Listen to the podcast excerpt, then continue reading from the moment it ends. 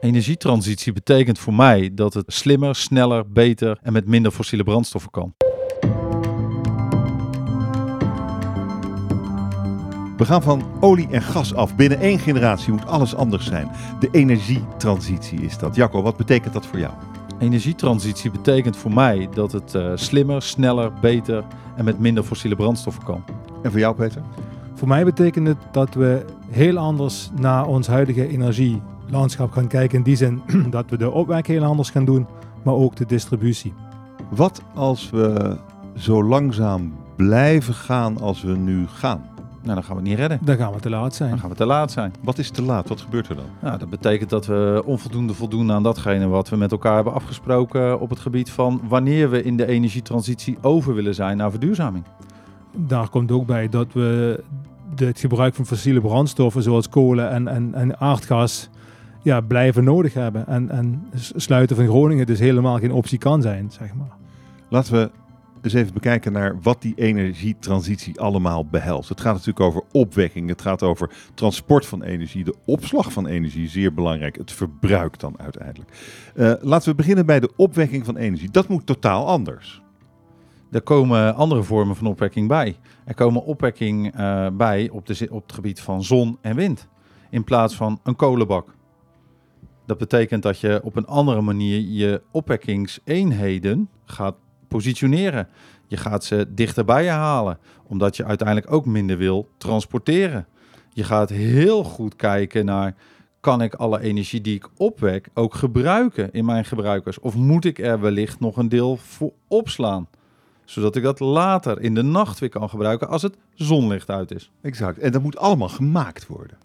Eh, wij, wij als spier maken ze niet. Wij sluiten ze alleen aan. Dus wij zorgen ervoor dat mensen die uh, installaties bouwen die duurzame energie opwekken, wind of zon, eh, dat dat op het net aangesloten kan worden. Dus dat die energie ook het land in kan, zeg maar. Het transport, het moet in een kabeltje.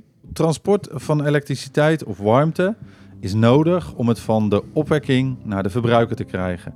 Daar zijn nieuwe technologieën voor nodig om het mogelijk te maken dat je met minder grondstoffen, minder bekabeling, minder koper, minder aluminium, minder ijzer, toch diezelfde hoeveelheden die gevraagd worden, misschien nog wel veel meer, toch kan overbrengen. Wat nodig is, een systeemverandering. Dus wij moeten anders gaan nadenken over hoe wij ons energie, opwek en distributiesysteem in elkaar geknutseld hebben. Mm. Dat is gebaseerd op centrale opwek. Grote centrales die op gas of in ieder geval een fossiele brandstof gewoon continu energie kunnen leveren. Bepaald door de, door de vraag. Het is een vraaggestuurde markt, dus de vraag bepaalt hoeveel energie ik opwek, niet andersom. Maar nu gaan we kijken naar decentrale opwek. Dus we gaan windturbines neerzetten op plekken waar het kan. Zonnepanelen neerzetten op plekken waar het kan. Uh, maar we moeten toe naar dat we dat allemaal doen waar het niet wat kan, maar waar het nodig is. Dus bijvoorbeeld op welke plekken? Bij fabrieken dus een, een, groot windmolenpark bouwen bij een fabriek die heel erg energieintensief is. Want zo voorkomen we grote transport Precies, afstanden. Dat is eigenlijk de grote ja, truc. Want het net wat we nu hebben is natuurlijk al overvol. Overvol. Dat weten we allemaal. Ja, goed. Hè? Of, of uh, komt misschien later terug. Maar in ieder geval, ja, daar, daar lopen we tegen knelpunten aan. Ja. Ander probleem is uh, de opslag. Batterijen in feite. Want uh, we produceren veel energie als het niet heel hard nodig is. Namelijk als het heel hard waait en als de zon schijnt. Ja, hebben we niet altijd zo heel veel nodig. Dus we moeten het opslaan. Doen we nou niet? Nee, deels. Eh, wat wij doen is uh, zowel de elektrische energie als de warmte, hè, die opgewekt wordt door de zon. Hè, het kan, kan ook zowel elektrische als warmte-energie zijn. Oh ja. Die bufferen we. Die kunnen beide gebufferd worden. En dat kan in een accupakket, dat kan in een batterijpakket, dat kan in een, uh, groot, een grote bak waarin we die warmte opslaan, die je daarna weer kunt gebruiken wanneer je hem nodig hebt. Kijk, in de winter is het kouder dan in de zomer. In de zomer heb je gewoon meer warmte van de zon die beschikbaar is om in het energienet, het warmtenet van bijvoorbeeld een, een stad of van een, een gebouwde omgeving of van een bedrijventerrein of bij een industrie te bufferen in de grond. En die kun je dus dan in de, in de winter er weer uithalen. Dat, dat, dat zijn communicerende vaten. Hè? E, energie heeft de gekke eigenschap dat hetgeen wat je er aan opwekt, ook altijd weer verbruikt kan worden. Er zit wel wat verlies in, maar per saldo uh, helpt dat. Wij als Pier realiseren die verschillende uh, facetten binnen dat hele energiedomein, binnen die transitie. Dus van daar waar een windturbine tot een zonnepark, tot een, een solarinstallatie wordt gebouwd, de transport wat erbij hoort, uh, de opslag en het het uiteindelijke verbruik. En zelfs in het verbruik kun je nog goed en slim nagaan hoe je dat dan, op welke manier dat je dat reduceert. En wat zijn dan, wat, wat, wat zijn jullie oplossingen? Wat, waar, waar denken jullie nu over na voor de toekomst? Nou, wij denken nu na over hoe je uh, dat soort energiestromen kunt optimaliseren en hoe je de dingen die je al genoemd, hè, dus uh, opwek, opslag en, en een verbruiker, uh, zodanig aan elkaar kunt koppelen dat je altijd zorgt dat er energie is op het moment dat je nodig hebt. En dat je wat je overhoudt slim kunt opslaan, dan wel misschien wel verkopen en aanbieden voor anderen. En dit wordt waanzinnig veel werk. Dit wordt heel veel werk, omdat je te maken hebt met één bedrijf heeft een overschot aan energie, welke vorm dan ook. Die kan dat waarschijnlijk, als we dat goed doen met elkaar, weer omzetten richting een ander bedrijf. Waar je niet de ruimte hebt om windmolens of zonneparken of warmtenetten aan te leggen. Maar dan kan je dus de energie van bedrijf A naar een hele ander bedrijf brengen. Dat gebeurt geregeld, maar dat gaat de komende jaren alleen nog maar meer gebeuren. En waar zitten hier de grote uitdagingen? Nou, de, de, een van de grote uitdagingen die je hoort is dat we onvoldoende uh, capaciteit hebben om dit te realiseren. Arbeidskrachten. En die arbeidskrachten heb je nodig om zowel het te bedenken, het te realiseren, te bouwen, aan te leggen en te beheren en onderhouden in de komende jaren. Het lijkt er wel op alsof het nu in een piek moet. Alles achter elkaar.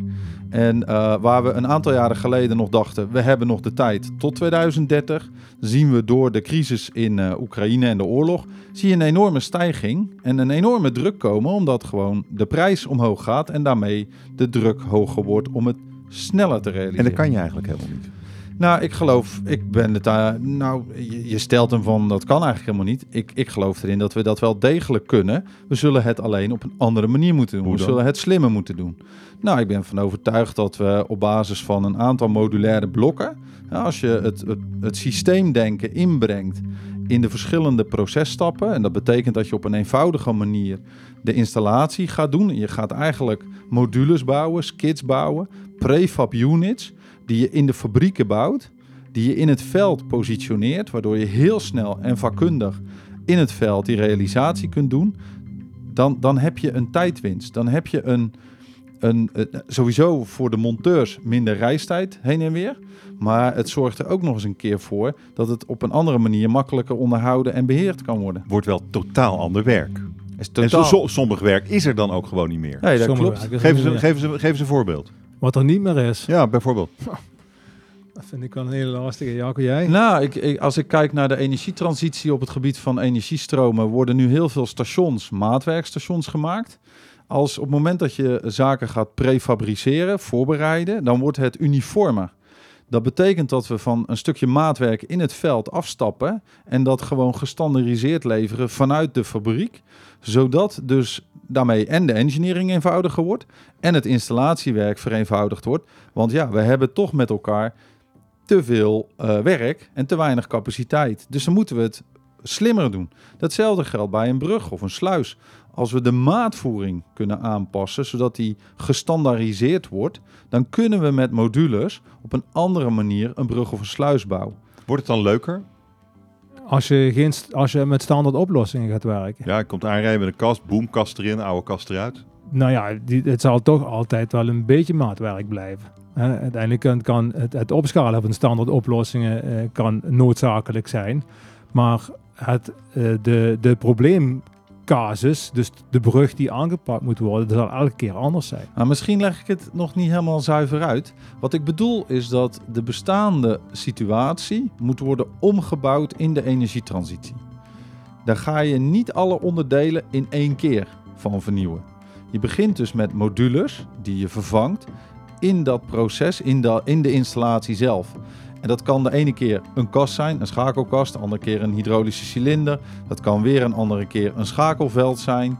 Dat zijn en dat zijn modules. Op het moment dat je die modules elders, lees in een fabriek, in een werkplaats, netjes kunt construeren onder geconditioneerde ruimtes, dan scheelt dat dus heel veel maatwerk op de site zelf, op de locatie zelf. En dan kunnen we het wel. En dan kunnen we het wel. Ik geloof dat we het dan kunnen. Vond je dit interessant? Fijn, want we hebben nog meer korte podcast over de energietransitie om je kennis te verdiepen.